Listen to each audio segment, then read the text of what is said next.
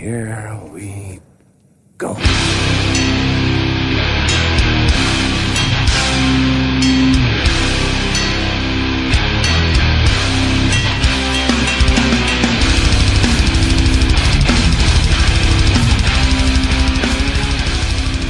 Säger vi välkomna, välkomna till avsnitt 57 eh, av Nere på Noll Podcast. En fulltalig panel idag med mig, Robin Lindblad, eh, David Olsson Hej hej! och eh, Danne Nätterdal, hemkommen från Spanien. Hej ho, let's go! Läget? Är vi en panel nu? Ja, men vadå? Vad ska jag referera er till då? Hardcore-fokusgruppen? Ja, Den är pöbeln i andra rummet. Precis. men nu är det levande hardcore-lexikonet Nätterdal tillbaks. Man tackar, man tackar. Hur var Spanien då? Jo, det var jävligt nice. Riktigt gött att komma från Sverige ett tag och bara skata och dricka bärs ett par dagar. Ja, gött. Tyvärr var det ju inte den ordningen. Det var ju alltid bärs först, vilket hade en liten inverkan på min redan rackliga skateboardåkning. Men man fick ju, man fick ju kämpa. Ja, förstår. Var det någon hardcore-relaterat där nere då? Ja, vi var på något som, som kallades för en hardcore-klubb. Så visade det sig vara något helt annat. Nej men det var faktiskt, det var ju alltså en punkklubb. De spelade såhär lokal spansk som var hardcore. Sen var det lite såhär, ja men typ lite mer mainstream eh, hardcore punk. Men stället var ju stort som, ja typ ett halvt vardagsrum kanske. Så det var lätt den minsta bar jag varit på i hela mitt liv. Oj. Uh, räknat att, att det var sju pers där och då var vi fyra. Men, ja, det var inte mycket folk eller? Nej, men det var ju så off season så här. Det var ju dåligt med folk överallt. Men det känns, så här, soliga länder känns som de inte har så jävla mycket hardcore-relaterat ändå. Nej, nej men precis. Och speciellt Spanien, det har vi pratat om i podden också. Att vi eftersökte eh, spanska band och har fått lite skickat till Det mig. finns ju säkert men, Ja men det var ju bara en massa så här eh, Citycam och oj, typ. ja. Ja men de är för glada. Idag då, vi ska snacka om eh, One Hit Wonders. Eh, definition på det kommer väl lite senare i programmet. Men eh, först och främst så kanske vi ska börja med lite, lite feedback. Jag vet inte om du har någon feedback på vårt avsnitt sist Danne? Du fick ju inte säga så mycket om, eller ingenting alls om varken sista kriget, gigget eller något annat. Ja, jag var jävligt eh, glad att ni, att ni gjorde ett avsnitt för det är, det är sånt här som man skulle vilja höra själv. Jag tyckte ni skötte det jävligt bra, det var kul att höra. Sen kände man ju hela tiden att man skulle vilja flika in med någonting så här, men Men så, är det alltid när man lyssnar på en podcast, typ. Eh, men sista kriget var ju, var ju jävligt fett, måste jag säga. TST som jag bara har skumlyssnat på var ju jävligt grymma tycker jag. Man fick så såna extrema LA hardcore vibes. Just det. Uh, snackar om... Fan, jag tyckte det var sådär alltså. Det var ju typ minst behållning för min del. Åh, ja, jag tyckte det var bra, bra låtar, men kanske inte så kredit och coolt som de andra banden. Det kändes som att det var kanske inte publikfavoriterna, men just eh, ur den här liksom hardcore-historiska perspektivet att de var så jävla tidiga och ändå spela så amerikanskt influerat. Vi har ju eh, grävt i vilka band som var tidigare, vi snackat missbrukarna och sådär. Och det här var ju solklar, liksom amerikansk influens. Ja, eh, var det något mer du ville tillägga om sista kriget Danne? Ja, säkert tusen grejer. Stötte på några poddlyssnare faktiskt. Bland annat den så kallade Offspring-mannen. Jaså? Killen som hade kommenterat att vi snackar för lite Offspring och eh, fyllt i med hela Offsprings eh, biografi. eh, Ah, på ja. ett väldigt peppat sätt. Och säkert några till. Sen vart jag ju presenterad för en eh, hardcore eh, typ legend. Eh, var Modde som, som sa ja ah, men du, här du måste träffa den här killen. Det här är Jim, han är från Connecticut. Och så bara, pratar ni? Eh, men han var ju fan uh, störtskön snubbe som, fattar inte riktigt, men han uh, typ målade, gjorde artwork, har gjort massa posters och grejer. Han hade ett fanzine med sig som hette Dagger Eyes.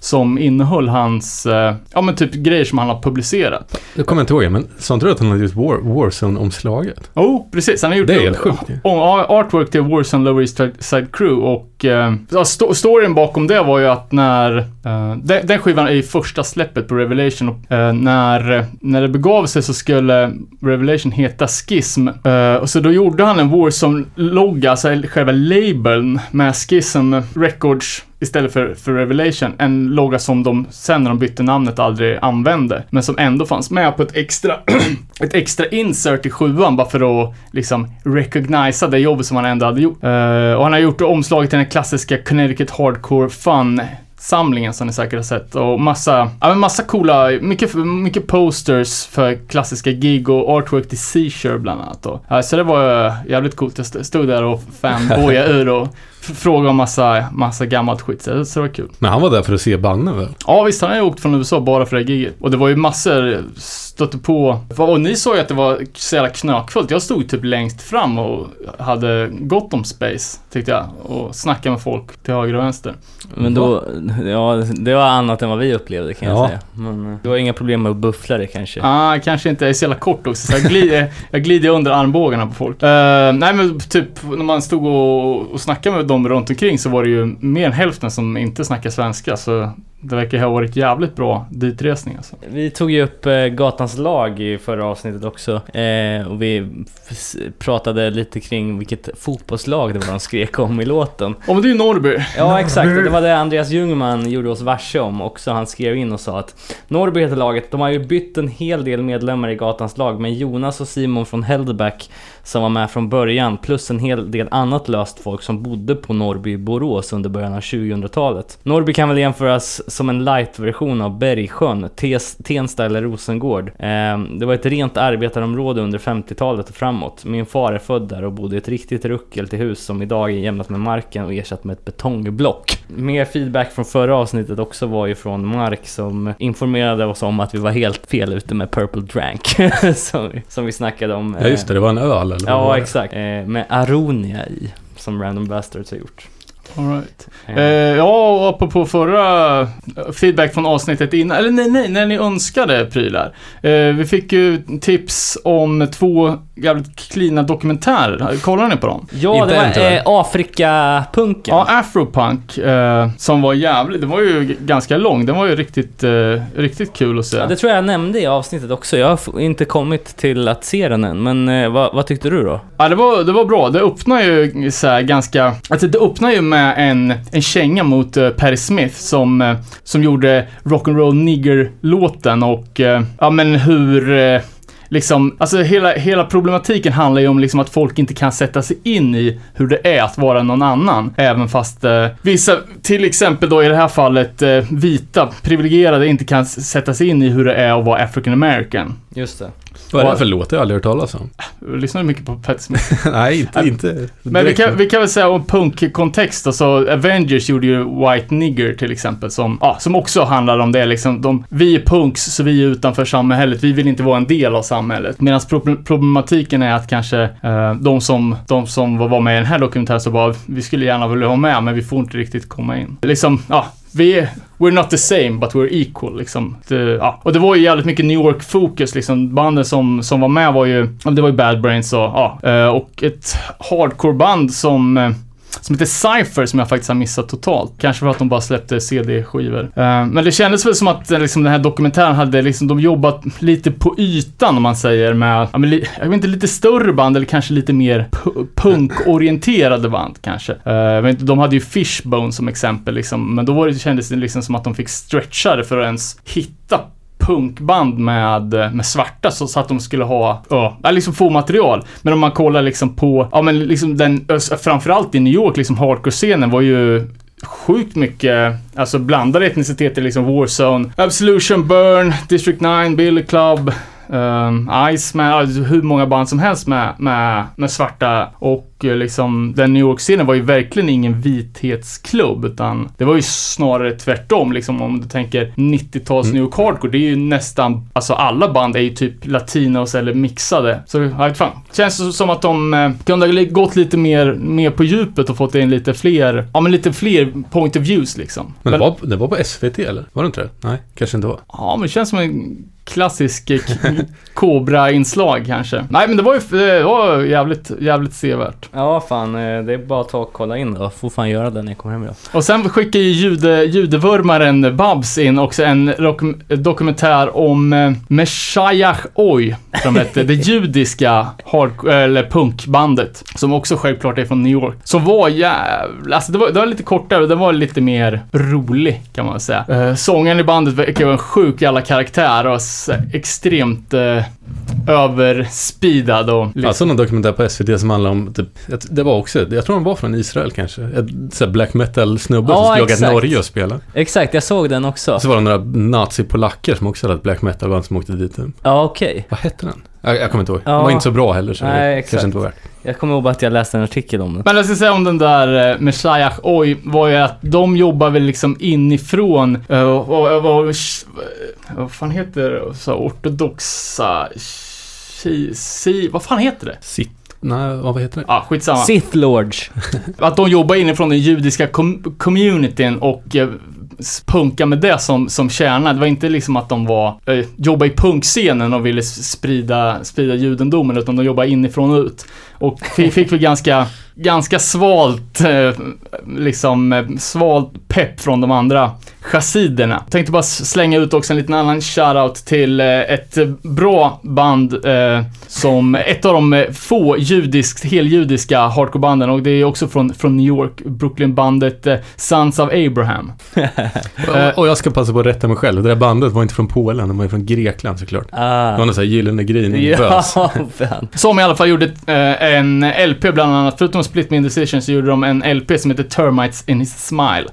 Så, eh, svinbra 90-tals hardcore. Coolt. Ingen, ingen mer feedback från förra veckan. Kanske vi kan gå vidare till Hänt i veckan då, för det är en hel del här på listan. Yes, Hänt i veckan då. Eh, jag kan börja med nästa na- National Holiday, vilket kommer vara dagen då Satanic Surfers släpper sitt nya album, vilket är in progress nu äntligen. Det var Eh, som fan. Ryktena är sanna. De har gått in i Studio Motion och börjat demoa låtar för nästa släpp.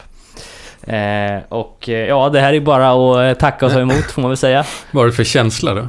Eh, ja, med tanke på hur jävla bra det har låtit sen de återförenades li- live så tror jag att... Ja men då har de ju spelat gamla låtar. Jo, men alltså det är ju eh, inga dåliga musiker i bandet liksom. Det är ju avstamp från både... Men att vara en bra musiker betyder inte att man kan göra en bra skatepunkplatta 20 år efter. Nej, men samtidigt så, eh, det är ju eh, folk från Atlas, folk från Sista, liksom. Det är ju folk med ett bra CV i ryggen liksom.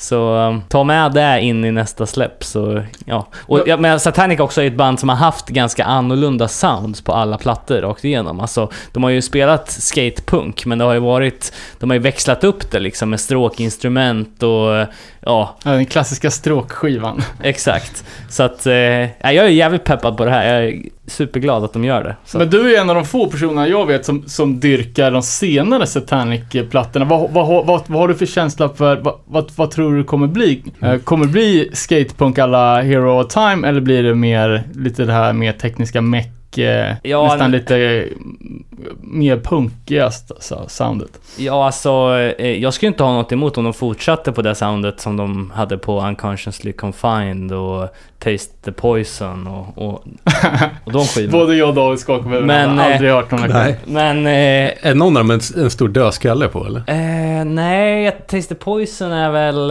eh, grått omslag med röd text. Men den andra du sa? Ser ut som... Eh, ja, den andra, Unconsciously, är ju... Lite såhär rosa, Typ- eller? Ja, exakt. Alltså det är ju en, eh, en så här, eh, klassisk röntgenbild av en Ja. skalle liksom.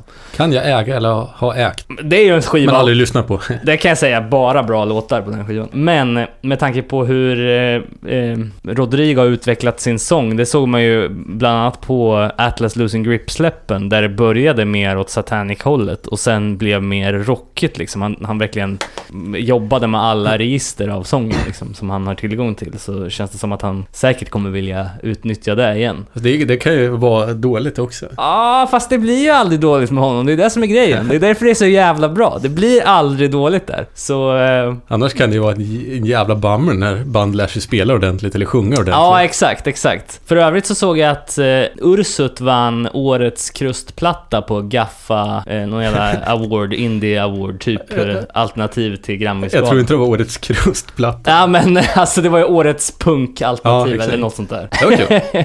ja, det var jävligt kul. Men jag Dock hoppas, borde de ju ha årets krustplatta också. Ja, eh, jag hoppas att, han, att Rodrigo fortfarande trummar och sjunger. eh, inte i Satanic längre nej. Hade han ett headset när han gjorde det? Ja, för fan. Har du inte sett de klassiska klippen Nej. från typ Nej.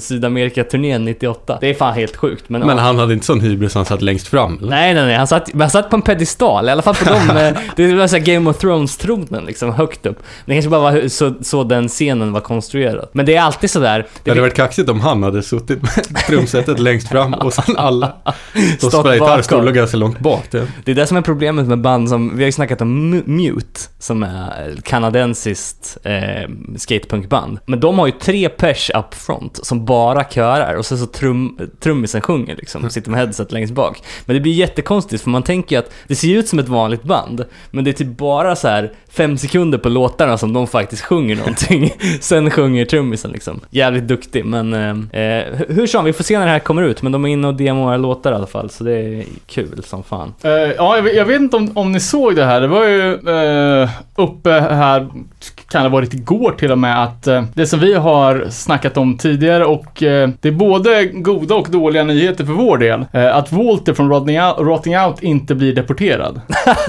Åh fan! Ja, jag såg i och för sig Det, så, också. det, har, inte jag hört. Det var någon som hade lagt upp ett tweet från honom där han sa att han klarade sig från deportering och att han hade x antal veckor kvar. Så då spricker våra planer på att köra en crowdfunding-resa till Tijuana och köra första intervjun. Men jag såg dock att det var en crowdfunding för att betala hans legal fees och såna grejer. Kanske- Vi har ju pratat så jävla mycket om det, men lite skevt är det ju. Ja, jag vet inte. Jag ska, jag ska inte ta, Nej, ta ställning till det. Kul för honom att han får vara kvar och kul för uh, LA Hardcore Punk-scenen att ha, ha det bandet kvar i alla fall. Kul för de som röker gräs, nu kanske de kan få tillgång till det. Ja, precis. Eh, ja, ja, eh, dra lite paralleller då med LA Hardcore och röka gräs. Jag fick ju hem den här eh, Nemesis Records-boken äntligen. Jävligt fe- fet och eh, ja, jag bara dra några lite intressanta intressanta grejer. För Big Frank Harrison då skrev ju lite om, om alla de olika släppen med kommentarer och sådär. Eh, och det knyter jag an lite också till en kommentar vi fick på Facebook. Jag kommer inte riktigt ihåg i vilket sammanhang, men uh, att eh, vi skulle följa upp lite av hur, vilka är de klassiska straight edge-banden från 80-talet som inte hade sålt ut. Och låtar som, som handlar om att behålla edgen, till exempel Chain of Strength, True Till Death. Och i den här boken då så stod ju precis om Chain of Strength att Nemesis Records skulle ha släppt Chain of Strength-plattan. Eh, och nu vet inte jag om det var den som kom ut på Revelation eller den andra som, som släpptes på bland annat Foundation. Eh, men att han inte ville göra det för att Chain of Strength ljög hela tiden om sin edge. Och att eh, den, deras edge var hård som blött papper sa han att de, Men vadå, hela tiden? kanske, Till inte, och med från första sjuan? kanske inte från dag ett, men bra länge efter att de hade breakat så, så körde de på, ja, de höll det liksom internt och körde på som vanligt. Så det var ju lite av en skräll kan man säga. Ja, verkligen. Uh, sen ett annat uh, Super Edge-band då som släpper Nemesis i Course of Disapproval. Först så släppte de ju eh, en LP på Nemesis. Och när det var dags till att släppa sjuan, då hade de här två i bandet hade utbildat sig till advokater. Började hassla honom stenhårt på, på massa juridiska grejer. Och tyckte liksom att de hade fått för lite cash, helt enkelt. Och att det var det, en av de stora anledningarna till att han, att han la ner hela bolaget. För att han tyckte att han, liksom det här var hans personliga polare och att det hade blivit så mycket liksom pappersbusiness. Så att det var inte, var inte typ kul att, att ha, ha bolaget längre. Ja, sjukt värd, värd bok i alla fall på rakt igenom. Han är kul att det kommer mycket böcker och grejer nu. Ja, som fan. Men det är knappt man, man hinner med att läsa. Det var någon som gjorde en så här, komplett Misfits diskografibok. Typ. Oh jävlar. Jag tror han gjorde det typ skiva för skiva och hade Ja. fotat typ allt. Eller så, ja, men, Ja. testpressar och något som Glenn hade kladdat på. Ja, men, allt typ. Vet du vart det fick och, gick att handla eller? Inte en aning. Ja, det blir till Google.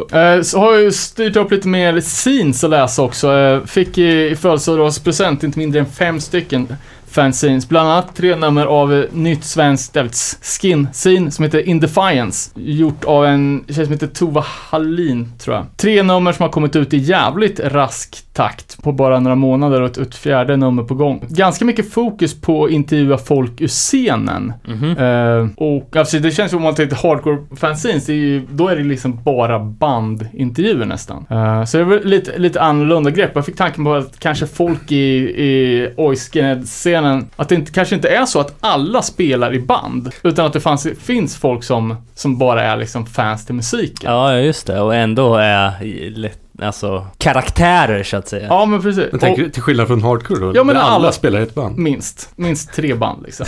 och ja, som sagt, tre scenes på jävligt, eh, jävligt kort tid och eh, att de blir bättre och bättre hela tiden. Och att det var liksom ett, ett mål också med fanzinet att hela tiden utveckla. Eh, ja, med, med bättre layout, bättre pa- papper, bättre work liksom. Så det ska bli jävligt kul att följa och se vad, vad framtiden har, har för Indefiance. Nice. Eh, Så bläddrade jag lite i det här Hardcore 16 också som, som eh, ni snackade om förra avsnittet med eh, ja, Hildas fanzine tillsammans med Babyfaced Killer. Eh, och det var ju som vi sa, liksom, typ samma band som vi hade snackat om i, i årskrönikan. Mm. Plus några till som vi också hade på, ja men så, som vi, som vi kollade på inför avsnittet men som inte hade släppt någonting. Till exempel Positive Abuse som var det här, ja men som var så hardcore skatebandet som känns jävligt peppat. Eh, lite typ som den eh, Misled Youth-bandet som vi snackade om en, sväng också. Så de sa i intervjun att de bara hade en låt om skateboard nu. Ja men ändå att det var viben. ja, det Ja, behöver inte, absolut inte handla om skate, men ändå att man eh, stökar, åker skateboard och dricker bärs liksom. Eh, Surf-viben, surf-skate-viben. Ja, och sen var det The Vilact, också medlemmar från Satanic Surfers. Exakt. Som ska bli jävligt spännande att höra. Det Har har du ju inte kommit ut lyssnat? Jag har ju släppt det nu för Ja. fan. Det var ju tänkt att vi skulle avsluta det här segmentet med en låt från deras nya sjua som Oh, är oh. en banger. Fan vad fett. Och sen var det ju också Undone från Göteborg som nu har lagt upp eh, demon. Eh, hett efterlängtad och det lät ju svinbra.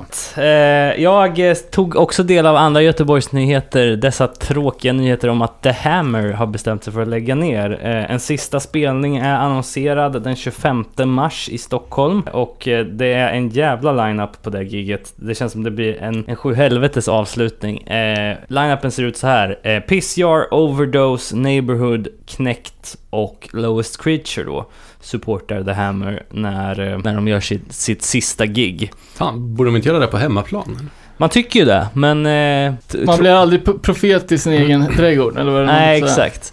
Tråkigt eh, som fan, eh, men eh, de har ju släppt ett par stellar grejer så att... Ja, och när ett hardcoreband lägger ner så blir det ju direkt att alla i bandet startar nya, så det blir ju fyra Ja, det nya. var ju några nya band redan nu tror jag. Ja, det var så. Kommer dock inte ihåg vad det hette tyvärr. Nej, de har ju hållit på sedan 2013, så det är ju fan ett tag ändå. Ja. Ja, i hardcore, i hardcore-mått så är det ju en evighet. Ja. Fan, nytt eh, band som jag snappade upp bara häromdagen. Eh, svinbra polsk grönsaksmangel. Eden is gone, eller X Eden is gone. Okej, var är de ifrån? Eh, jag- vet inte. Polen sa du? Om man kanske ville ha en stad. Jaha. Ska jag säga mellan Krakow och Wroclaw. eh, ja, en demo som kom ut nu i februari och de eh, annonserar även en CD som, som London-baserade Mark My Words ska släppa. Coolt. Ja, dumt också.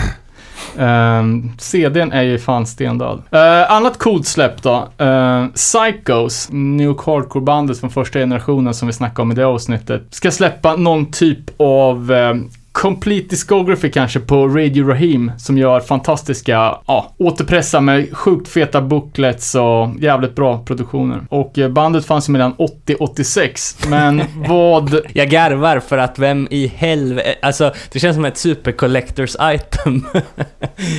eh, jag vet inte. Ja men ja, för att de har ju aldrig släppt någonting heller. Nej, De okej. gjorde en demokassett 84. Ja men det är det jag menar liksom, att det är ju ändå, vad är det, 30 år sedan? Ja. ja, men det blir svårt att göra en complete discography på en sexlåtars demo. Ja.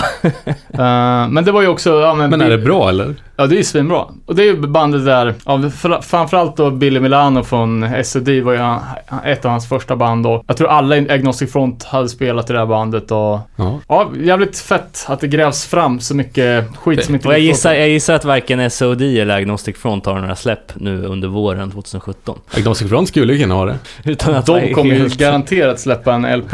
Men jag, jag, Och, och då gjorde du den där splitten med eh, Powerhouse. Ja. Den är ute nu. Ja, men jag tänkte bara att man kunde kanske härleda det här till att okej, alla mina andra band har inget på gång. Jag gräver fram någonting från 30 år sedan och gör en eh, extremt limiterad. Fan, jag, jag såg, det var säkert också på Cobra, någon, någon så här super skivbolag som bara letar på gammalt skräp som ingen vill ha och återsläppte det på vinyl typ. Ja. Så hade han hittat något så här, du vet, jättekonstigt svenskt band typ och ringt upp några gubbar och typ skulle släppa det där på något sätt. ja, det skulle man kunna Brooklyn göra. Alltså, Hipster label typ. det finns ju, om man uh, youtubar lite, finns det kanske, ja, låt oss säga, utan att överdriva, hundra pissfeta New Hardcore demos som inte går att få tag på, som man lätt skulle kunna bara bootlägga ut och sälja en miljon av. Det hade varit coolt om någon fejkade det, typ. Ja, men det här Fejka är... ett band ja. Ja, typ, ja, och gjorde någon hel grej runt det.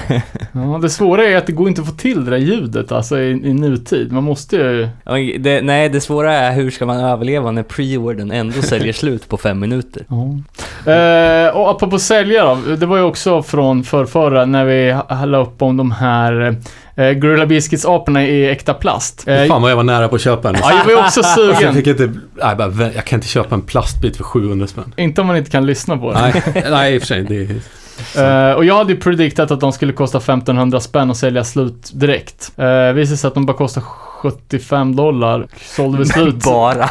Ja, det är ju galet. Dock så låg ju alla, för det här var ju då den tionde färgkombinationen i raden av den här jävla apan. Eh, och de andra låg ju ute samtidigt då på Ebay. Eh, det var väl någon som kände att nu var det hype igen och skulle sälja av. Och de slutade ju på mellan 1100 och 3000 spänn styck. Fy fan. det är lite som du säger, man tycker att oh, det här är så sjukt. Men man köper skivor för de där pengarna utan att Ja. blinka typ. Ja, fan en- en po- gamla skatepolare till mig började samla på några jävla glaskonstgrejer som också var så här. ja men så kostar 3000 spänn för någon liten, inte vet jag, anka i glas liksom. Finns folk till allt. Faktiskt. Det funkar ju när man inte bor i ett jordbävningstätt land. Men, eh, ja, vi tar ett stort hardcore-gig som har annonserats i Sverige, närmare bestämt i Örebro. Det är alltså Hatebreed, Dying Fetus och Akani som kommer till stan. Ja, det var ju sjukt random. 29 april, ja verkligen. Eh, och det här är lite tråkigt för dig och mig Danne, för vi är ju på Outbreak då. Men David, du får gå dit och representera. Jag fan om jag har i mig att gå dit själv. alltså. Du kommer inte bli ensam, det tror jag inte. Nej, Eh, då, och då måste vi ha den, eh, alltså Örebro Hardcore Mors till, eh, till Hatebreed. Det känns ju som att du har mycket, mycket pondus att bära på de axlarna alltså. Det känns som många som är där kommer ju vara såna jävla bonlurkar som är stora. Jag, jag vet inte. Vi som är från Örebro, vi har ju en viss historik till den här lokalen som det är på Frimis. Jag hade min studentskiva där till exempel. Det är inte det mest, alltså det känns inte som det mest hardcore-kompatibla stället. fast de har byggt om. Men ja, de har gjort det, okej. Jag var, var ju så hurla där. Det var rätt cool lokal faktiskt. Okej. Typ såhär, ja men ganska lagom stor. Kändes ganska liten för Hatebreed dock. Men Det är bra. Spännande. Eh, jag vet inte, om jag inte minns fel så är det väl Kimmo från, mest känd från Voice of Generation som har startat någon sorts, att han bokar gigs där. Lite större, större grejer. Ja, det är jävligt fett och chansen att se Akani är väl kanske inte jättestor i och med att de bor på olika kontinenter. Så det är ju jävligt synd att det som vanligt ska krocka. du får gå på hårda tider. De spelar i Örebro på torsdag. Ja, det var ju också jävla random. Jag har inte hört ett ord om det. Nej. Jag fick upp så här sponsrad Facebook-reklam för det. Eh, kan ju vara så att de behövde fylla ut torsdagsdatumet och eh, att det kom lite... Jo men jag, Ja, så, de skrev ju där på sin Facebook-sida. Eh, Hårda tider. Vi spelar i Göteborg, vi spelar i Stockholm, det någon som kan sätta upp oss mellan där det här datumet? All right. Ja, det var ju stationen, crewet, som, som gjorde det. Så de, de hugg väl chansen när den finns. De ska ju spela med Jorges band eh, eh, från Växjö, inte från New York. Nackskott. Ja okej. Eh, och de lirar på, på Plektrum. Jävligt sunkigt ställe. Eh, såg även att eh, skräckfilms eh, garage-punkish bandet Damers ska lira i Örebro också. Det är inte förrän i mars, 24. Okej. Eh, De har ju också precis släppt en sjua och kommer med en, eh, med en fullis här i, ja det är typ i samma, samma, samma veva. Och eh, ännu ett gig då som, eh, som är, det är ju supergammalt, men KSMB skulle köra den här femdatumsturnén. Och de har ju an- annonserat en ny platta, En ond saga. Hur bra den är, svårt att säga så här på förhand, men jag kollade i alla fall in deras, där man kunde köpa skivan och de måste ju ha det fan det mest eh, klockrena merch-itemet. Nämligen basker. en sån här röd basker som, eh, som sångaren alltid hade. Vart man lite sugen på. ja men, ja. Du skulle nog kunna bära upp den. Ja. Kanske ska jag gå ihop och köpa en till dig Danne. ja exakt. Du har ju fyllt år här och allt. Ja. Eh, sen ett nytt band, eller nytt band, eh, gammalt band som har annonserat en ny platta. Body Count. Ja, jag såg det. Ja, just det. Deras, dock inte lyssnat någonting. deras första singel där, No Lives Matter.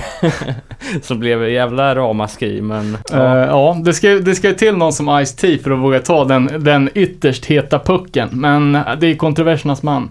Såg feats på plattan också, var från Dave Mustaine och Max Cavalera. Cavalera. Ja, just det. Eh, Kan vara sådär förmodligen. Ja, fast Count de kan ibland alltså. Ja. Eh, Ice-T kan ju också ibland, men han kan ju också inte ibland. Ja, han är extremt bra på att inte kunna väldigt ofta. Det kom någon ny låt med honom som var typ äh, rap om att han spelar Xbox och såna här grejer. Ja, det var väl Suicide eller... Någon... Just det, den var det Den har vi säkert pratat om. Det var ju sjukt dåligt. Han har gjort eh, rösterna i, i vissa spel också, typ eh, Call of Duty-spel. Så att... Men han är ju typ skådis i någon så här Snus. CSI eller Jaha, något okej. liknande. Okej. Eh, ja, det, ja, det, det, det, det är okej, tycker jag. Eh, sen har vi en ny klubb också i Örebro. Uh, Nerv, Klubb Nerv. Klubbnerv. Klubbnerv. Lite udda grepp. Det kommer spelas, vad jag fattar det som, eh, ja men typ 77-punk, powerpop och sen kanske lite mer garageprylar. Men att det ska vara en fokus på dans. Åh fan. ska bli jävligt intressant att se om, eh, om få, fan ska man ta någon så här, är det, blir det snällpågo då eller liksom, ja jag vet inte. Jag ska dra i alla fall. Jag ska 100% dit, men jag ska 100% inte dansa. Säger du nu ja. Precis, vi kanske övertalar honom att bjuda upp dig. Ja. Och sen var det en ny, uh, ny film på, nu verkar det vara riktigt på G, den här New Hardcore Chronicles dokumentären. Ja, just det. Jag såg, eh, jag såg något om det. Eh, Jag såg också att det hade varit release för den här New York Hardcore-boken i New York. Och då hade de haft ett panelsamtal med så här gamla New York pro- Hardcore-profiler som hade suttit och reminissat i en timme. Det finns på YouTube det här. Ja, jag tror de gjorde det i varenda jävla stad inför den här boken. okej, okej. Men det är ju eh, svinvärt att se. Gamla buttra gubbar som Paul Bearer och Mike Judge. Ja, sitter- exakt, exakt. Sådana personer som typ helst inte pratar. Fattar inte vad Mike Judge ska sitta i en panel för, men... äh, nej, det är fett. Det är en Eh, Vice-dokumentär. Den var ganska bra dock. Ja. Det är rätt intressant att se vad... Men, vad sa du? En ny film? Ja, nu är jag sjukt ute på Tony som jag vad fan New York Hardcore Chronicles var. Jag har bara följt eh, Facebook-sidan. Ja, men jag har för mig att hela grejen med den filmen var att de typ så här tappade finansiering mitt i och den blev uppskjuten. Alltså han höll på med redigeringen hur länge som helst och sen eh, typ förra sommaren eller något sånt där så kom det in DG igen så han kunde fortsätta med den och nu är den äntligen klar. Det var den, den viben jag fick. Uh, all right. Och det var ju re- regissören i Drew Stone som, eh, som lirade en sväng med Antidote och som, som hade, som spelade, så i Behind the Mighty. Och sen är ju han Tony Ratman som gjorde, uh, var först skrev han ju den här Detroit Hardcore-boken och även New York Hardcore-boken. Eh, och sen var det ju någon annan snubbe, jag kommer inte ihåg vad fan han hade för uppgift i filmen, men uh, var ju ett posternamn i alla fall. Robert Kampf. Jag vet inte varför, varför det var roligt. Nej, det var, var kul namn. Fan, det är dags för en dokumentär om något svenskt hardcore-band. Eller hardcore-scen eller någonting. Ja, men det är C-Max. Ja, just det, den är på gång ja. Ja, för sig. Men, ja, men och, jag tänker något nyare. Eller senare. Ja, ja, men som en sån fet grej som uh, Hårda Tider gjorde. Ja, Ja, eller... typ. eh, eh, Satanic Surfers. vad, het, vad hette den? Trogen till döden var ju också... Ja, något Ja. sånt om typ skylten eller någonting. Ja, men det är bara att alla som, alla som har så- här, vad fan, går gymnasiet, filmlinjen. Det finns inga så unga människor som lyssnar på hardcore längre så att det är kört. Nej, och sen nådde det ju inte... Det, var ing, det fanns inga filmkameror i Sverige på 90-talet på- i de här sammanhangen. Sant faktiskt. Ja, men det är lite så. Jag menar, anledningen till att det finns så mycket footage av sådana tidiga gig i USA runt, runt den perioden är för att det fanns en större tillgång till elektronik än vad liksom eh, en... Ja, och du fattar ju dokumentärerna om eh, den japanska hardcore-scenen tidigt 80-tal. Den är, Det är filmad- HD. Det är det var ute på 4K. Blu-ray liksom. det är 4K. Laserdisk. Ja, Jag ska säga bara en sista jävla eh, halvintressant New York Hardcore-nyhet då.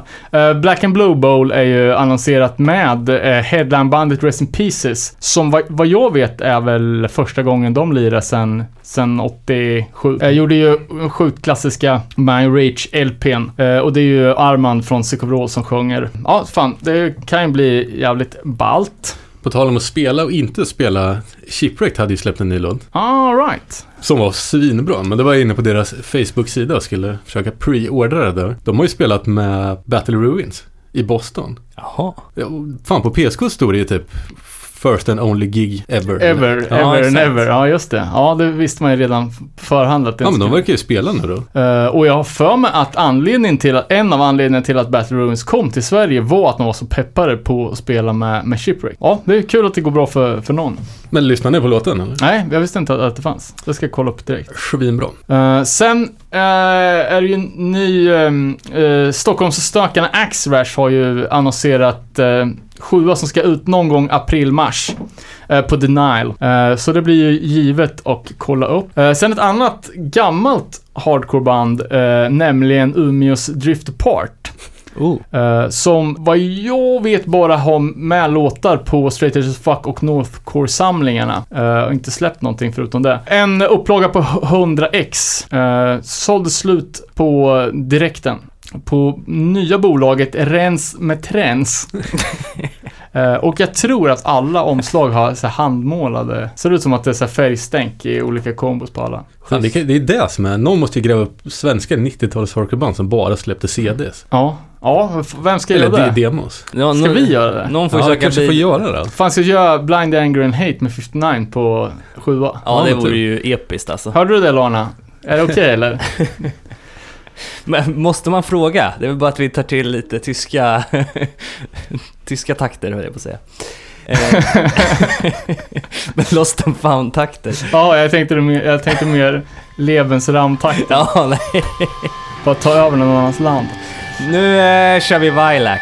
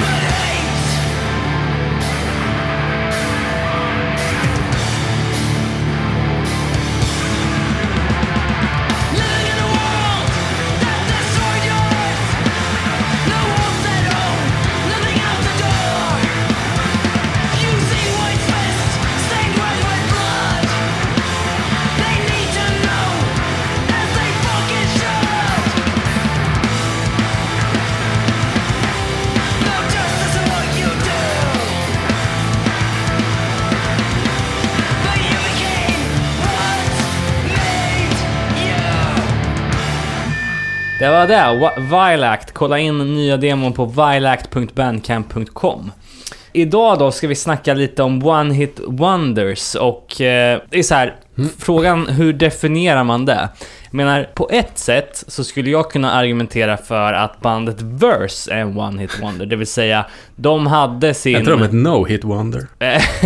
ja men de hade ju sin A New Fury, den låten som de liksom breakar med. Det är alltid den de spelar sist, sen har de inte, de har inte släppt någonting bra. Eh, å andra sidan skulle man kunna säga att typ Biohazard är ett One Hit Wonder-band för att de slog sig ut ur hardcore till någon slags mainstream och sen gick tillbaks. Jag också tyckt det var skitsvårt. Det- Man tänkte ju först att det skulle vara ganska lätt. Ja, Det är exakt. skitsvårt att hitta band. Exakt. För, för, man tänker det som så popband typ som har Ja, en precis, stor hit och precis. inget mer. Det finns ju typ inte hardcore. Nej, för det är ofta så här, ja, antingen ett bra släpp och sen försvinner du. Det är också Ja. ett alternativ liksom. Ja, exakt. Ett, ett problem är ju också att uh, hardcorebanden är så jävla kortlivade så att de Mm. flesta hinner bara göra en sjua och sen råkar en låt vara bra. Uh, bara, bara ett, eh, när du sa, sa du balance? Verse. Verse? Verse, sa jag. Jaha, okej. Eh, jag, jag tänkte på svensk, svensk uh, motsvarighet till Iron. Som har en låt som är så in i helvete bra. Och sen är de är typ alla andra låtar ganska bra. Ja, Ja men exakt, det är det som är grejen i hardcore. Det är en låt som är pissbra och resten är helt okej typ. ja faktiskt. Ja, Iron-låten den. Ashes. Ashes. Ja, eller herregud. någonting. Jag skulle nog inte hålla med dig där, men eh, visst. Jag förstår vad du menar. Ja, men du, jag tror du har lyssnat lite, lite noggrannare Ja. också. Ja, men, eh, exakt, det är också det. Om man lyssnar på det så är det ju säkert andra också bra. Exakt.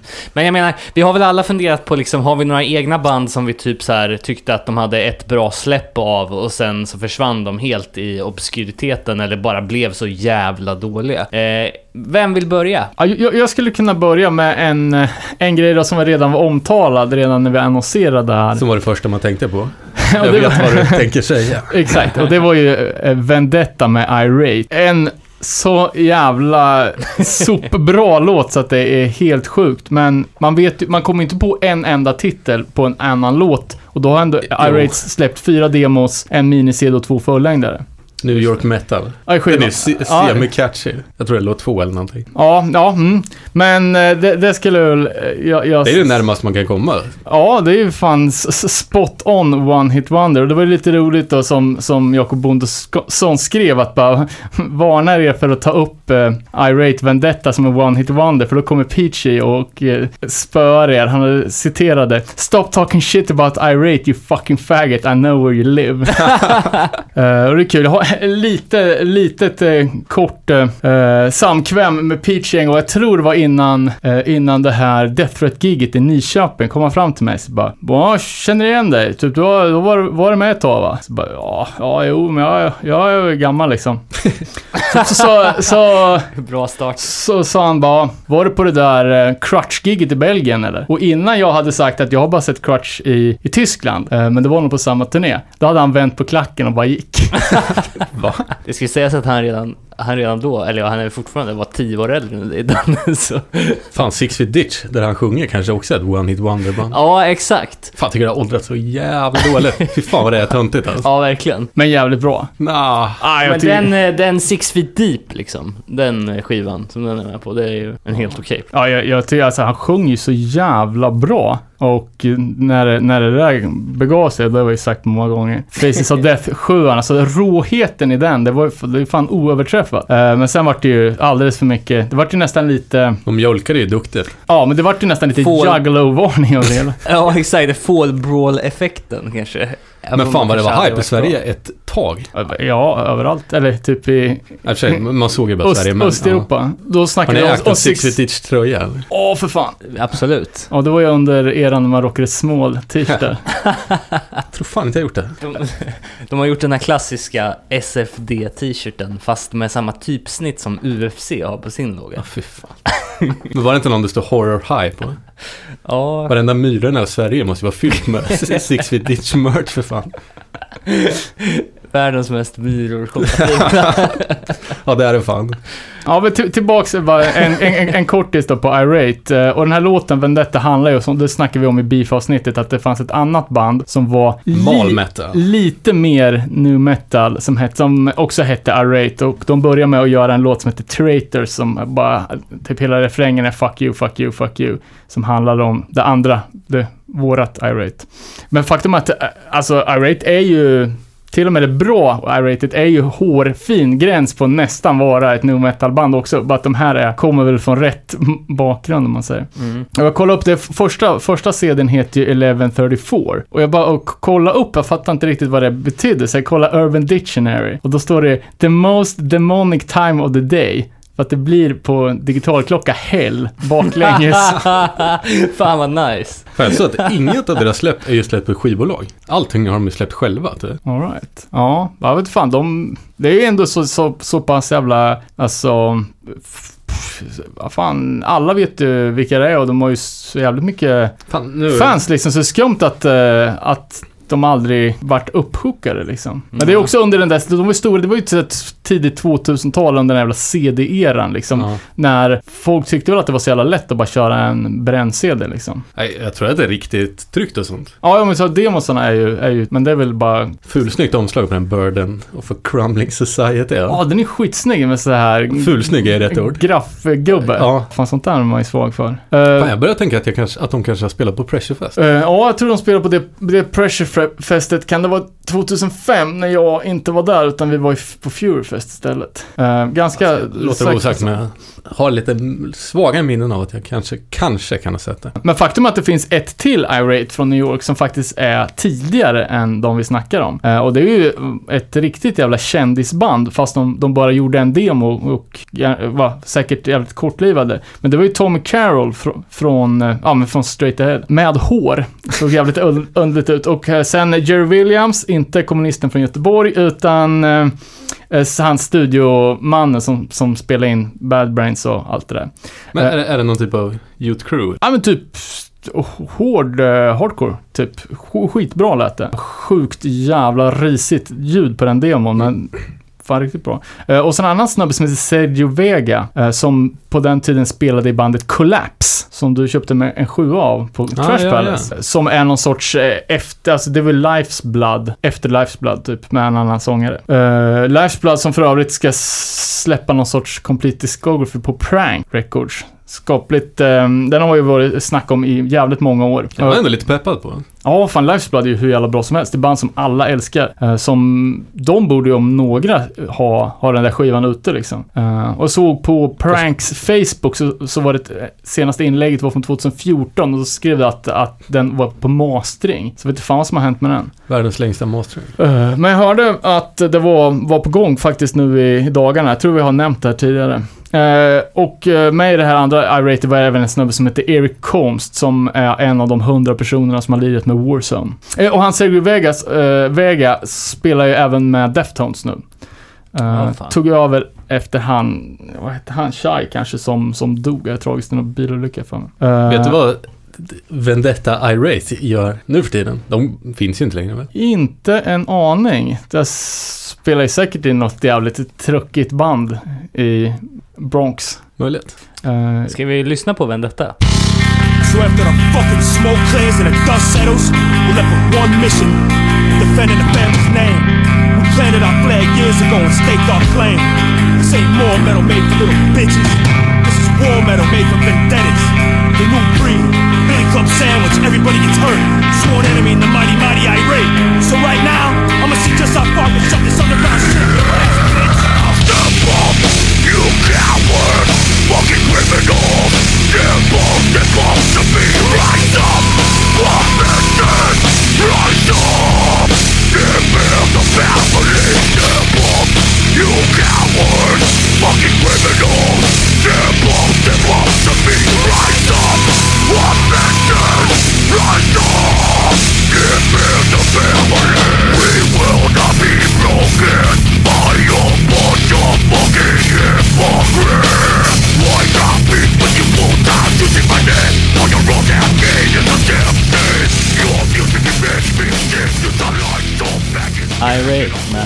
låten Vendetta.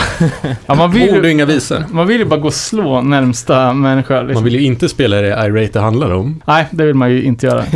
Jag blåste igenom hela den där skivan idag faktiskt. Den är, ja, så dålig är den inte. Nej, det är inget fel på det. Men det har ju, de andra låtarna har ju ingenting i jämförelse med den här. Som hade rätt coola gitarrgrejer tyckte jag. Det är ett jävla fin spel typ. Ja, de är sjukt duktiga. Uh, musiker. Det är li- nästan lite för duktigt. Men som vi säger, nej jag skojar. Eh, jag tänkte säga, men som vi säger, en bra musiker gör inte alltid ett bra band. Nej, Copyright till David Olsson.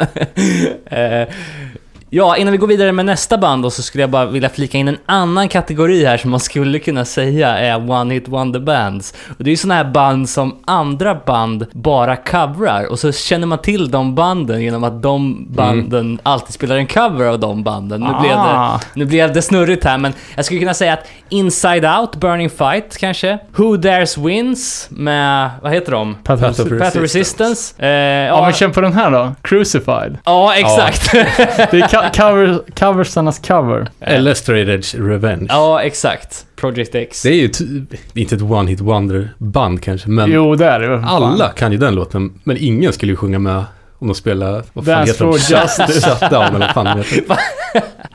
Nej. Ja, men så det blir också som eh, Alone, Alone in the Crowd 7 Fast där är ta mig fan alla låtar pissbra. Ja, fa fast i alla fall vad jag har upplevt det som så var ju Is anybody there den enda låten först. Men nu har ju alla... When Tigers Fight. Ja, det är den bästa. Men alla låtar på den sjuan har ju, har ju. Cover-kvaliteter deluxe. Eh, men det känns, känns som att första, första låten, det vart det 20 raka covers på den och sen så börjar folk beta av över det. Frågan är när folk, vad heter den? Commit, commitment eller committed Ja. eller? Den borde ju folk covera. Den är också svinbra. Ja, jag, jag tror- Jävla solid sjua det är alltså. Ja, den är fantastisk. Mycket bra, mycket bra. Yes. Vå- Vågar man säga att Pro- Project X7 inte alls är lika salig? eller? Det är så jävla bra är inte de andra låtarna. Nej, men det är ju så jävla några låtar på den också. Det känns som att den är... Eller, tidsmässigt kan ju fan knappt gå in på fem minuter hela sjuan. Men det, är- det är fan, det skulle, jag fan kunna skriva upp också på att det är ett one-hit wonder. Ja, eh, vi kan gå, eh, gå vidare då eh, med nästa band här som jag skulle vilja ta upp. Eh, jag tyckte det var lite svårt att hitta men jag tänkte tillbaks på så här, ja, när man var inne i den här eh, mjukisbyxa-perioden så, så kom det ut ett band på Rise Records som hette American Me. Eh, som spelar metalliserad breakdown hardcore kan man väl säga. Eh, Med känslosamma texter. Nej, inte direkt. Alltså, eh, de har en låt som heter Colombian Necktie till exempel på den här skivan. Eh, Black Malicious Lie, eh, Crystal Clear. Ja, det är liksom, det är hård. Hårda texter liksom. Eh, men den sk- skivan som jag snackar om heter Heat, kom ut på Rise Records 2008. Eh, och det här är ett band som har eh, lite, ena benet i hiphop kan man säga. De, de gick mer mot... Ena benet uppkavlat. Ja, exakt. De, eh, de gick mer åt att bli lite så här hiphop-influerade på, på slutet och det var därför man tappade dem. Men just den här Heat-plattan som var deras första fullängdare som kom 2008. Eh, Ehm, de är från Portland, Oregon och ehm, eh, andra associerade akter med det här bandet är eh, det numera jävligt framgångsrika metalcore-bandet It Prevails. Eh, som är så här Warped Tour-band liksom.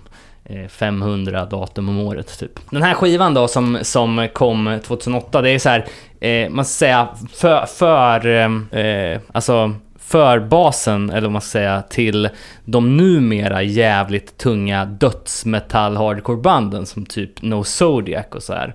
Alltså det är jävligt, det är tekniskt, det är tunga breakdowns men det är ändå så här riffiga gitarrer. De, eh, de har tre fullängdare i backkatalogen. Men den, den, den där du snackar om, det måste vara någon av de senare va? För det känns som ett, tid, ett typ ett tidigt 2000-band, eller? Nej, eh, deras första, första fullängdare kom 2008 och jag vet inte om de hade släppt Ah, all right. ja, jag kanske tänker på något annat. Ja, men eh, det var ett sånt här band som man helt tappade. Men den här skivan kommer jag ihåg att man lyssnade som fan på. Framförallt då den, jag vet inte, breakout-hitten eller one-hit wonderen från den här plattan. Black Malicious Lie som jag tänkte att vi skulle blasta.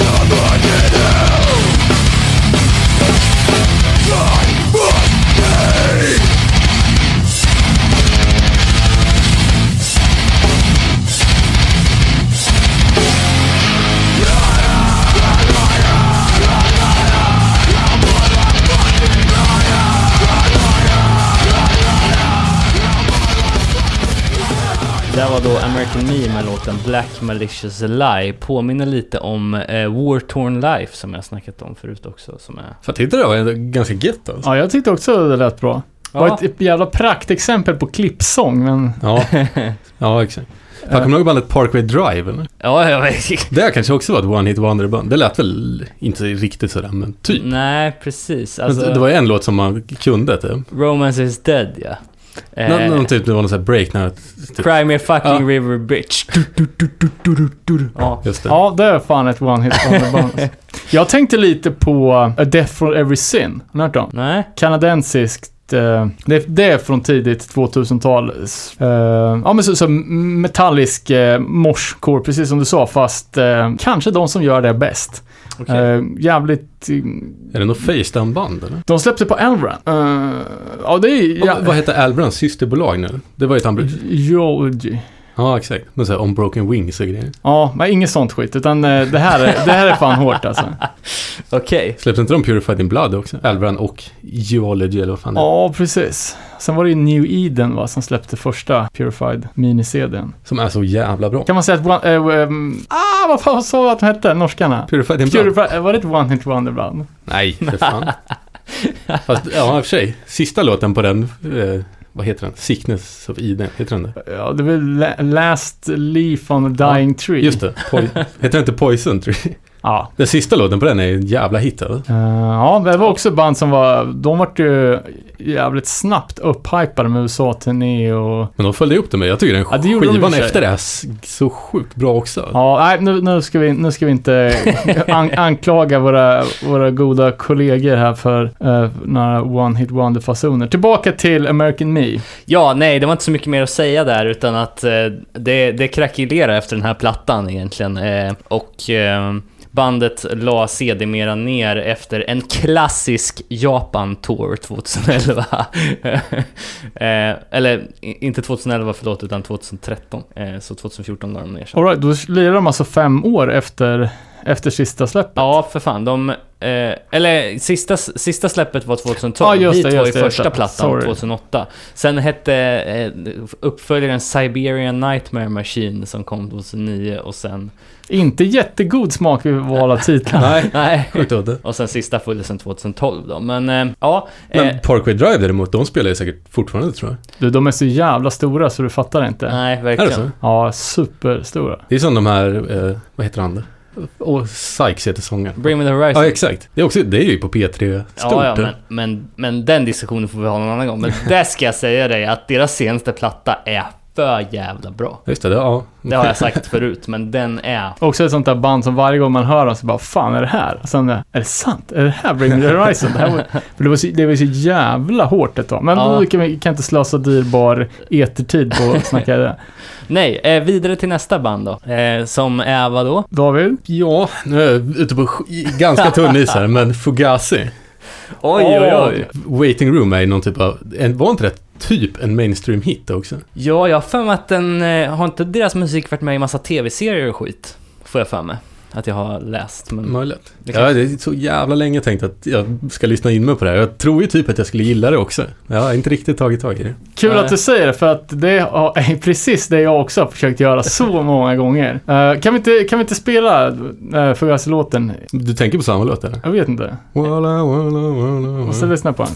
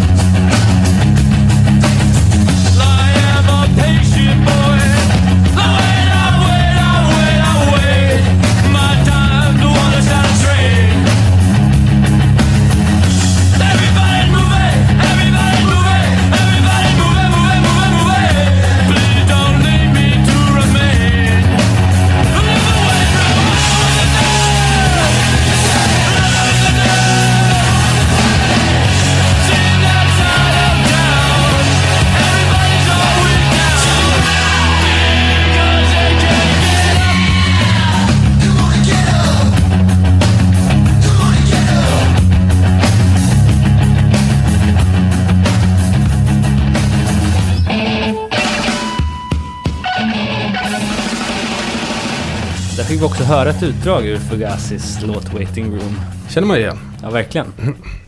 Jag tror att det, det, det, det ett så här Foo Fighters band och sånt brukar göra covers på den där också. Ja, okej. Ja, det måste vara typ semikänd i alla fall. Ja, det känns som ett eh, band som man eh, borde åtminstone äga en skiva med, men det gör inte jag. Ja, för, för det var ju för, det här var första sjuan.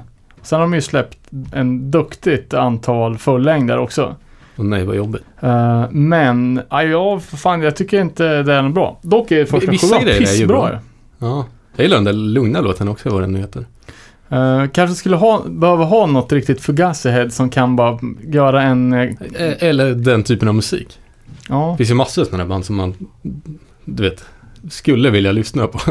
Exakt. man Man, gjort. man behöver ju de cred-poängen för att kunna droppa hela Fugazi-katalogen back to Ja, men back liksom. typen. Men också, eh, ja. Lyssna på Embrace. eller? Ja, ytterst lite. Men det Det är är, typ samma sak, eller? Ja, men det är lite bättre. Det är lite mer uh, upptempo i alla fall. Och eh, Embrace brukar ju vara det bandet som... eh, eller om Fugazi är bandet som, eh, som får cred för att starta emo så är ju typ Rise of Spring och Embrace de band Jag tänkte ju säga dem också, de jag har aldrig lyssnat på det. Nej, man är för jävla dålig på... Men Embrace-skivan bläddrar man alltid förbi och typ, oh den här verkar cool typ. Ja, ja den, den vill man ju ha. Snart händer det. Eh, men man är för jävla dålig på den här DC post-hardcore-grejen alltså. Ja, fast det känns rätt coolt alltså. Jag börjar bli gammal. Ja, ja, exakt. Det, det känns ju coolare än det verkligen är. Det är som att försöka lära sig dricka kaffe eller någonting. Man måste bara göra det. Yes, ja, jag har inte så mycket att säga om Fugazi för jag är inget Fugazi-fan överhuvudtaget. Men... eh, Får lyssna på den skivan de har blandat Wu-Tang och Fugazi. ja, det är rätt coolt. det låter... Fugazi. Ja. det låter spännande. Eh, ja, vidare då. Har vi något mer band som... Ja, jag kan, kan slänga in på det. Nu ska inte jag säga att det här är per definition ett eh, one-hit wonder-band. Som, ja, det är mycket upp till personlig tolkning, men för mig i alla fall. Eh, och det är ju, ja, de är väl mest egentligen kända som ett skatepunkband, kanske li, lite av ett punkare skatepunkband och det är The Vandals. Som har funnits med s- sen urminnes tider, de började redan 1980 80 och eh, de är från Orange County. Men var, det inte lite såhär paj, paj-vibe på det? Typ, Ja, det var ju superpaj på mot slutet. Det, det var lite halvploj redan från början också, men de gjorde i alla fall... eh, typ en trummis som var naken och Ja, men så. Det, har ju, det brukar i och för sig uh, Good Riddance också vara rätt ofta. Um, nej, men det var ju ett jävligt solidt LA-sound från början. Nästan så här copy-paste LA-soundet. Uh, och Peace, Peace Through Vandalism, en 12 som kom ut, eh, är ju svinbra. Är liksom en LA Hardcore fan kultplatta. Följdes sen upp med plattan When in Rome, Do As The Vandals. Där de helt jävla random kör total scratch rap punk på första spåret. Eh, och det här är jävla tid, det var ju- den är från 85, så det var ju eh, fan ganska jävla tidigt att mixa punk med rap. Uh, han körde till och med med skivspelare i axelband på scenen. Eh, dock bara på, på, på första, första låten. Sen någon gång typ eh, 89 så var alla medlemmar ur original Vandals utbytta och då släppte de plattan Fear of Punk Planet. Också lite rap. Koppling där till Public Enemy, I guess. Uh, skitsamma. Nu på, mitten, på 2000, eller på mitten på 90-talet när skatepunk blev världens största musikgenre så började de satsa, satsa igen. Eh, och de gjorde genia, genidraget och släppa en julplatta. Eh, Det vet ju alla att det är ett big no-no. Eh, det här är dock, det är Onkel Konkel och The Vandals enligt mig som har licens för att göra det, för den skivan är fan svinbra. Eh, Men vadå, spelar de Rudolf med Nej, röda, de har ju- röda näsan Ja, de har ju gjort, i punk eller? de har gjort helt egna låtar på jultema och den är duktigt OPK. uh, har ju en låt som heter Penis for my Christmas när han sjunger att man ska, han ska köpa horor och porr till sin snopp i julklapp. Men det är ändå så jävligt välsnickrade låtar och uh, jag, alltså det blir så här Onkel Konkel kul liksom. Eh, en låt också som handlar om att han hänger sig från julgranen och så här. Men med, med på den här plattan i alla fall så finns det en låt som heter Oi to the World. Uh, som handlar om uh, två skins då. Hadji som var någon sån här indisk skinhead som stöter ihop med en snubbe som Uh, ja, med någon annan kille och så börjar de beefa och så handlar det om hur de slår sig igenom, eh, genom natten och till slut så blir de vänner och förenas. Ja, en jä- jävligt eh, bra och eh, ro- rolig, rolig låt. Eh, och ett år senare så kom ett, ett annat band från Orange County eh, som heter No Doubt. Typ pop ska med pytte, pytte lite punk-vibe. S- grundat av syskonen Gwen och Eric Stefani. Eh, Gwen Stefani som senare blev superkändis på, på solo på soloprojektet och eh, han brorsan var tydligen en tecknare som gjorde Simpsons-serien. Eh, en annan kille i bandet, bara med kul namn också, Tony Kanal. Men var inte de jättekända nog där? Superkända. De, på, de låg fyra månader på Billboards första plats. Hette låten Don't Sleep eller No Sleep? Don't speak. Don't Speak, just det. Exakt. Eh, och de sålde 28 miljoner plattor. Åh, jävlar. Eh, och man har ju ändå hört vissa låtar och Gwen Stefani uh, solo är ju ganska bra. Så jag ska lyssna på första No Doubt-plattan, den som skulle vara mest ska. Och det var ta med fan det sämsta jag hört i hela mitt liv. Alla kategorier. Skitsamma, med på Alla kategorier. alla kategorier. Eh, ja, i alla fall. Nå- någon gång här, typ strax efter att Vandals hade gjort den, så spelade No, no Doubt in en cover på uh, Oi to the World. Eh, tillsammans med, några- de gjorde till exempel en Bad Brains cover, eh, Sailing On tror jag.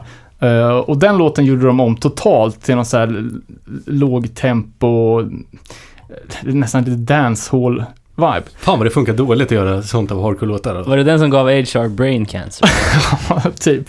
Eh, men uh, Vandals-covern gör de exakt rakt av, så de måste ju tyckt att den var liksom fulländad redan som den var. Eh, och eh, ja, det är ju hur en, en punklåt har kommit upp i den absoluta, ja, nummer ett Billboard.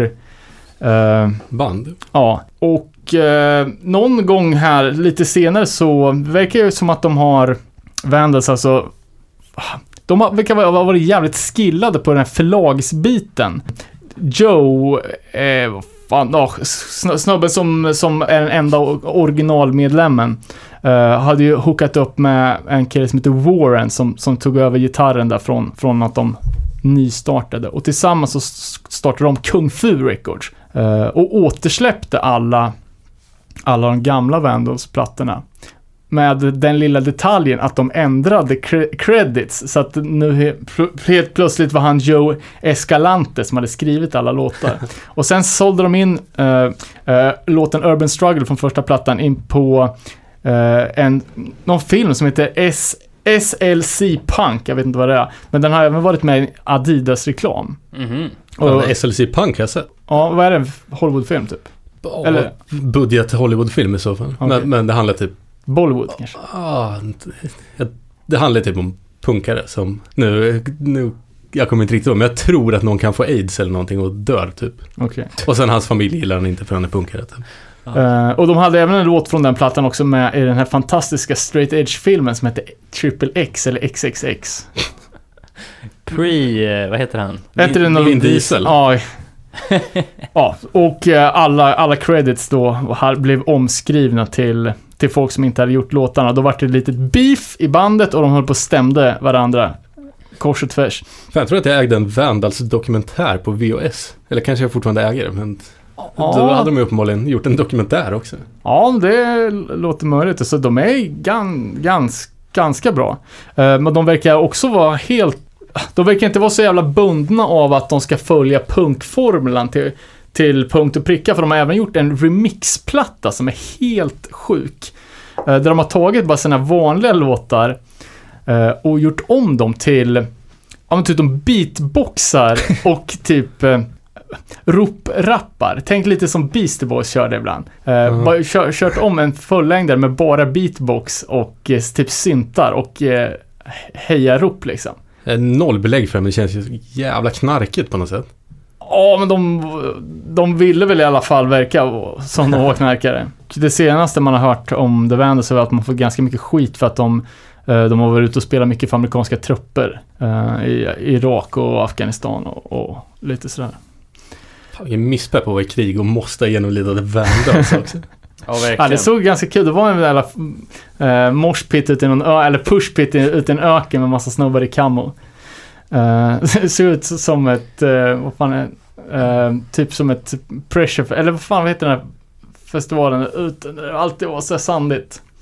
Typ full- Hellfest. Ja men typ, ja något sånt där. Fan, Alla hade Gru, camo. gruvpunk tänkte jag på. Tror ni Vandals var påtänkta att spela på Trumps jävla in... Vad heter det? Insvurning? Inauguration, eller? ja. Det, det var ju bandet efter Three- Doors Down. ja, det får väl bli Vandals då. Exakt, ba- bara om, om de kan lova att inte vara nakna. Jag var supertaggad på den här premissen av eh, en låt som eh, tar en indisk punkare och en amerikansk punkare har en lång storyline och eh, eh, så jag kan väl lyssna på Oi to the World kanske.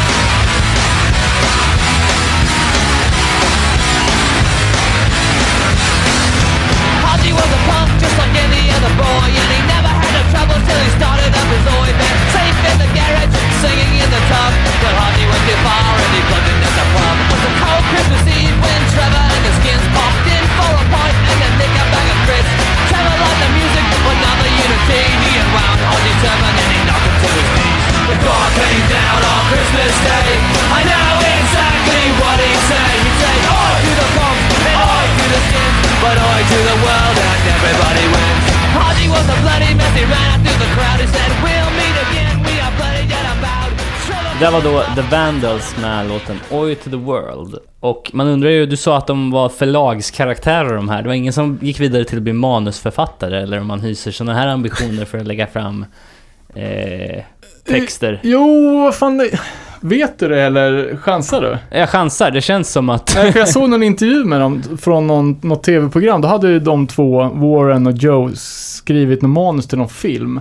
Som verkar vara, jag vet inte fan om de hade inspirerats lite av eh, American Pie, men det handlar i alla fall om någon som hade sex med bakverk.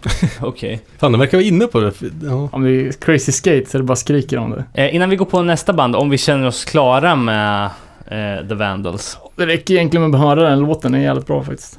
Kolla upp den. Jag kommer kommer ihåg en textrad går ju typ If you think America is so free, walk into a supermarket and piss on the floor eller något.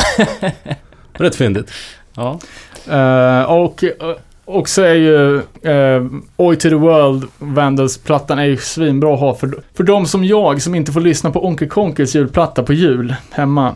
Kan man lyssna på den så är det i alla fall en halvvägs till jul, julefrid. Jag tänkte innan vi går vidare med nästa band så kanske man kan ehm, ta lite, lite kon- mindre eh, band, bara nämna några snabbt. Eh, jag tänkte något med lite lokal anknytning kanske som skulle kunna kallas för eh, eh, One Hit Wonders. Jag vet inte, eh, Lost Kind kanske med Beatdown Warriors? Det- Sant, det är också den enda låten man kommer ihåg. Eh, om man ska vara riktigt brutal eh, och eh, förmodligen bli utskälld av samtliga i det här rummet och även H- H- HC Sverige så, så skulle man kunna säga att Nazipunks Fuck Off och Holiday in Kambodja är de enda bra låtarna som Dead Kennedys har gjort. Eh, och de enda kända också, men... Nej, stäng av. Tack! Eh, Lite poäng har du ju. Det är ju där folk känner till. har, ni, har ni något band som är så här, ja, en kort, koncist? Det är ju bara att, ja, fast det är band som har hitlåtar. Det är Ja. samma med Misfits egentligen. Eller framförallt Danzig. Ja, Ja, jag vet inte fan. Alltså, f- eh, jag f- fick ju tanken i huvudet att Inside Out bara hade en bra låt tills jag lyssnade på sjuan och eh, kom snabbt på att jag hade fel. Men det är som att säga Firestorm med Earth Crisis. Skulle man också kunna göra om man vill ge sig ut på... just Ja, men det är inte One Hit Wonders, det är något annat. Det är bara En- en- låtar som är jävligt bra, Ja. eller välkända. Typ. I turn myself into a monster to fight against the monsters of this world. Earth Crisis-låten från, från Slither-plattan. Motsatsen till en One Hit Wonder. Eh, Fury of Five då? Nej, det är nog bara en allmän pepp tror jag. Det är inte någon speciell låt. Ja, för jag menar, At War with the World, bra. Ja. Eh, next, nästa, den här person, ne, vad heter den? Next... This time it's personal. Ja, exakt. Också bra. Ja, Och sen har vi ju första plattan som jag inte ens kommer ihåg vad fan den hette. Uh, vad fan heter första Fear of Five? Um, Sjuan menar du? Med den där tecknade gubben. Ja, de gjorde två, två sjuor, men vad fan heter första plattan? Fan vilket IG-liv. ja, jag kommer fan inte heller ihåg. Eh, ja, men vi kanske kan gå vidare då till, till nästa band. Ska jag droppa lite band som jag har tänkt på som inte är klockrena? Ja, Cold World. De, de två, det var ju sån jävla hype på det här ett tag. Faktiskt. Fan vad sjukt, jag lyssnade på Coldwell när jag cyklade hit. Ja, om, vad lyssnar du på då? De populäraste låtarna på Spotify. Är det från sjuan eller? Nej, de, det, är, det är nog från uh, Babies Who Came Feet First. Det, den har ju en bra låt. Boom boom, chaka boom. Nej, absolut inte det. Ja, vad fan kan den heta? Liars and Thieves eller något. Det är typ den enda låten jag lyssnar på på den. Men Iced Grills då? Ja men det är det jag menar. Det är Ja, det okej. som är hitsen. Ja, det är ju sjukt bra. Ja, Jag tycker Coldwell, de typ inte gjort en dålig låt. Lite väl mycket skits bara, men... Vad heter senaste skivan? Eh, How the Gods Chill. Just det. Ja, är det det sista? Nej, de gjorde ju den andra. Mm. Ja, de släppte Fullängdaren, den där fan. med... Ja, jag vet fan. På tusen spänn om du kan name, droppa en låt från senaste skivan. Nej, det kan jag inte. Men fan, jag, jag trodde den... Ja, okej. För How the Gods Chill var ju bra. Svinbra är det. Men eh, jag, vet- jag- det som de har släppt efter har man ju inte hört någonting om alls bevisligen. Så det kanske är ett testament till att... Jo, men den är, den är också bra. Okej. Eh, det här bevisar ju också hur lite vi förbereder eftersom vi inte kommer på ett enda namn på skivor vi, vi snackar om. Men fa faktum är att anledningen till att jag lyssnade på Coldwell var ju att innan lyssnade jag på Firm Standing Law, som jag är ganska säker är ny, nya bandet från Coldwell-sången. Eh, om jag har fattat det rätt så har han lokaliserat om till London och eh, har startat ett eh, super straight edge band som låter sjukt mycket Coldwell och det är pissbra. De har släppt en, eh, en demo förra året och de ska även spela på Outbreak Fest. Men det är väl Hype. trummisen i Coldwell som har gjort allting? Typ alla samplingar, skrivit låtar och alla, alla så här texter som har med sneakers och grejer, hiphop-referenser och hela. Ja, det så det är. Ja, jag tror det. För jag läste en intervju med sångaren typ så här, att folk kom fram med honom och frågade om du vet, bästa färgen på en Air Jordan 1 eller någonting. Han vet, vet inte ens vad det är för någonting.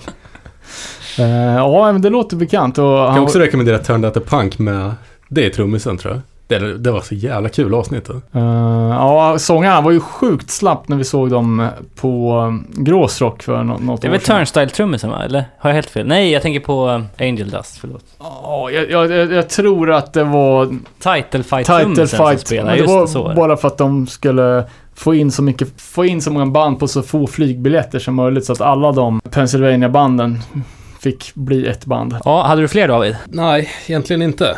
I alla fall inget bra. Sworn Enemy tänkte jag lite på. Mm, just det. Inte klockrent för det kanske är tre låtar man... Ja, precis. Jag tycker ändå man har lyssnat ganska mycket på dem. Ja, men, ja på en skiva ja. Ja, Eller exakt. två skivor. Eh, Den ja, nya är, har man inte hört en ton utav. Nej, verkligen. eh, New Breed-låten är ju, det är ju den som heter antar jag. Ja, jag tänkte, tänkte på dem, den Sworn Enemy, Sworn Enemy-låten. Ja, nej vad fan. Ja, nej, nej, nej. Uh, as real as... As real as it gets, ja det är en Kanske den, där den heter. boom. Ja, de, har, Eh. de har ju själv, öppningen på den skivan är ju Sworn Enemy och sen har de ju... Men bara den negative outlook minisedeln är också pissbra rakt igenom. Eh, jag har ju dock ett klockrent exempel. Men eh, band som har tagit sitt namn från en Bad Brains-låt. Och det är bara du som får gissa, för jag vet att det är Supertouch. Eh, Ledtråd två var ju eh, bandet som, som grundade hela emo-duppla-genren. Kanske med lite hjälp av Bold. Supertouch startades som eh, under namnet Death Before Dishonor. Släppte en, en sjua som är helt okej, eller ganska bra. Eh, och en platta, The Earth is Flat, som är skitdålig. Eh, helt helt okej, alltså. Helt okej eh, musik. Men här har vi ett praktexempel på folk som översjunger. Lite det som vi var rädda att Satanic kanske skulle göra. För det sabbar hela sjuan, äh, sk- skivan. Fan, jag råkade köpa den av misstag på Ebay en gång när jag skulle säga mitt i natten frakta med den på något annat. Tänkte jag, ah, den kan väl ändå vara kul att ha. Ja, men man vill ju ha den. Och så tänkte jag fel och tänkte kronor. För det var fyra på natten så jag skrev 500 dollar. Och den där skiten bara tickade upp. Typ, jag fick panikgoogla typ cancel bids on Ebay.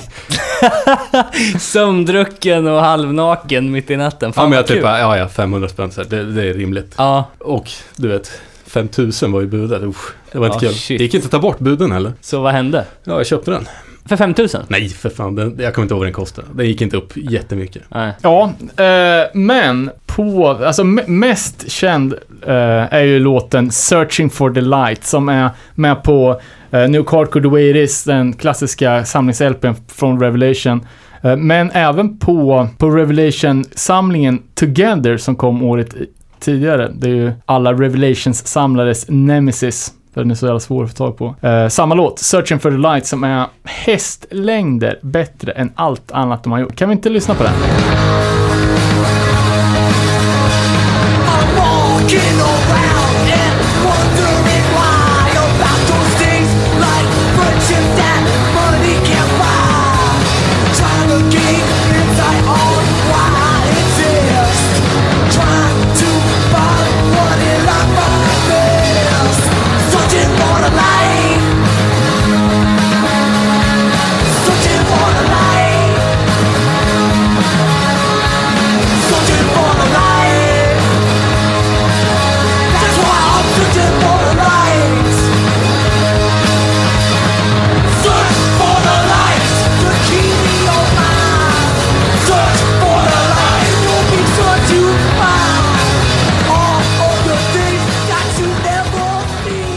det där var ju den enda bra låten med Supertouch, nämligen Searching for the light. nice. Nej, släppte inte de en sjua på Reaper sen också? Jo, det gjorde de. Eh, den har jag typ inte ens hört. Men... eh, Samlade inte du på Reaper? Jo, jag, har- jag har det, men det, det var ju eh, inte så, så mycket som att man kommer ihåg att, att man har lyssnat på den i alla fall. Nej. Ja, men, men bara en liten snabb eh, recap på, på bandet. För det är ingen riktigt eh, så här, usual suspects eh, personer som alla de andra uh, ja, tidiga Rev-banden är där alla spelar i samma band. Uh, Trummisen Andy Judah som hade, har bakgrund och spelar i, i uh, som han beskriver själv som ett elakt skinheadband som jag inte är så stolt över, nämligen Altercation. Som är svinbra. Eh, han lirar även med Absolution en sväng och eh, startade upp det här nya bandet, eh, tre, fyra år gammalt, eh, My Rifle. Men bland annat Jason O'Tools från eh, just Life's Blood. Som ska släppa en diskografi på Prank. Eh, och jag har även ett nyare band också i samma genre, nämligen Running Like Thieves med folk från Bold. Och eh, innan bandet eh, bytte namn till Supertouch så hade de även en eh, trummis som heter Mike Ferraro, eh, aka Mike Judge. Eh, men så slutade bandet för att han kände att han var för, för risig på att spela trummor. Eh, så han gick över till att och, starta eget band och sjunga istället. Känns som att Supertouch har, ett, har någon slags affiliation med Burn också, eller? Eh, ja, säkert. Säkert. Absolution och Burn var ju sjukt, eh, är ju sjukt förknippade och det- är ganska många olika medlemmar. Jag vet inte om du sa det, men de har ju någon liten stämpel av sig att vara pretto hardcore, typ. Ja, men lite, ja men det är hela den där, alltså, Inget fel med det. nej men lite så ja, alltså det var så jävla tidiga med, med själva den här emo-grejen, liksom som, som Turning Point sen gjorde, eh, fortsatte på, eh, och att de körde lite mer, kanske inte eh, rakad skalle och mm, liksom eh, mjukisbrallor, utan att de hade skjorta och, och Blotta rock och poesibok. Eh, men de verkar, jag såg ett ny, nyare klipp från när de spelade från Some Records i, i, i New York och de verkar, ah, de såg ut som hardcore-gubbar liksom med, med tatueringar och backslicks. Sjukt aktiva än. Skapligt va? Ja, enligt deras Twitter så är det ju spelningar på gång hela tiden. Jaha, ja, men då kanske jag är inne i någon sorts eh, revival nu då. Han Mark Ryan som, som sjunger, tror inte att han har jobbat med några andra band, varken före eller efter. Eh, och han, det finns ju en typ dokumentär, en timmas lång om Supertouch and Friends, mest live-grejer. Men när man hör honom prata så, eh, det är sjukt skumt att han är sångare, för det låter som fan som man har murat igen näsan. Det är jävligt udda röst och eh, som sagt, han sabbar ju sitt eget band på skiva genom att sjunga sjunga sönder det. Men live så det, blir det lite råare sång och då är det helt okej alltså. Jag hade inte bangat på att se dem live. Alltså. Nej, för fan det är ju ett eh, bucket list band liksom. En annan kille som var med, med på slutet i Supertouch är en kille som heter Dean någonting som eh, som efter att de la ner första gången då flyttade till New Hampshire och startade en studio. Där han har spelat in ganska så monumentala klassiker. Till exempel Floor Punch, Fast Times, eh, American Nightmare, Background Music och Ill Blood med No Warning. Rätt bra CV. Tungt. Ett bra, ett bra CV. Men pikade gjorde de ju såklart med låten Searching for the light. Ja men grymt. Fan, det var mycket bra skit här. Ehm, ingen som vill runda av med något eller ska vi... Mm, nej, kanske inte. Nej. Ja, jag måste fan säga att det var svårare än man trodde. Mm. Jag trodde jag skulle bara skita ur mig One Hit Wonders. Jag också. Eh, en liten snabbbubblare är ju Sub-Zero. eh, som ha, hade låten Boxed In som är pissbra. Eh, och den gjorde de ju på, först, på första demon 90 och i annan version på demon från 93. Sen i en tredje version på sjuan för att göra en fjärde version på första fullängden. Eh, ska man vara sån så, eh, jag vet inte. Jag, jag, jag droppar två, två, två band här nu. Om, det kan bli så att vi stänger av direkt efter jag har sagt dem, men, men även Breakdown, Street Fight eh, och, Nej, för fan. och jag vet inte om det här, det här är ju inte hardcore, men Goldfinger. Har de haft en hit? Den som i Tony Hawk-spelet. Jag menar det. Ja, för det, det är en sån jävla låt som, som, som man får på huvudet och bara vill ha bort alltså. ja, förlåt. Ja, men är vi nöjda så eller? Ja, det tycker jag också. Ja, jag har inget mer att säga. Nu vill vi såklart höra vad, vad våra lyssnare tycker om det där vi har snackat om här och om de har några egna, egna eh, förslag så tar vi upp dem i nästa avsnitt. Vi, vi tuffar på. Tack för att ni var med idag. Vi hörs igen om eh, någon vecka eller så. Puss! Adjö. Tack.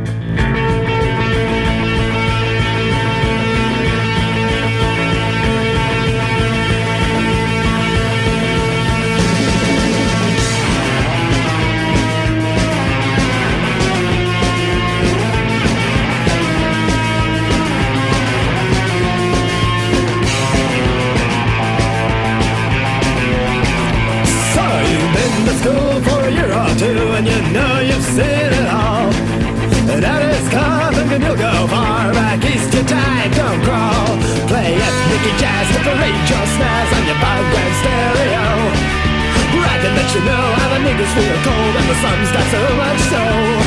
It's time to taste what you always fear. Right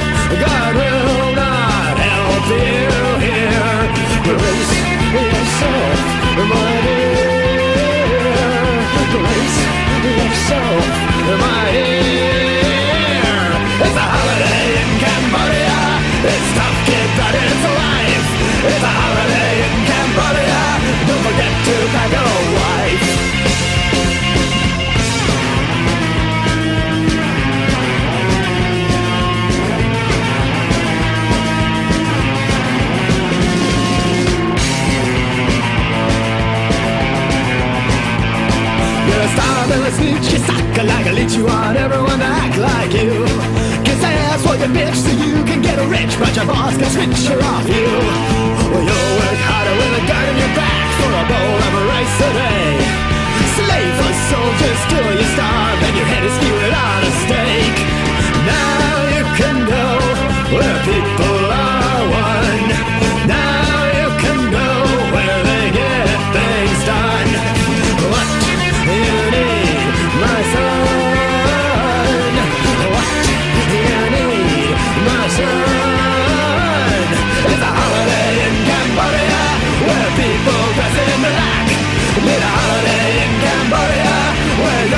sad.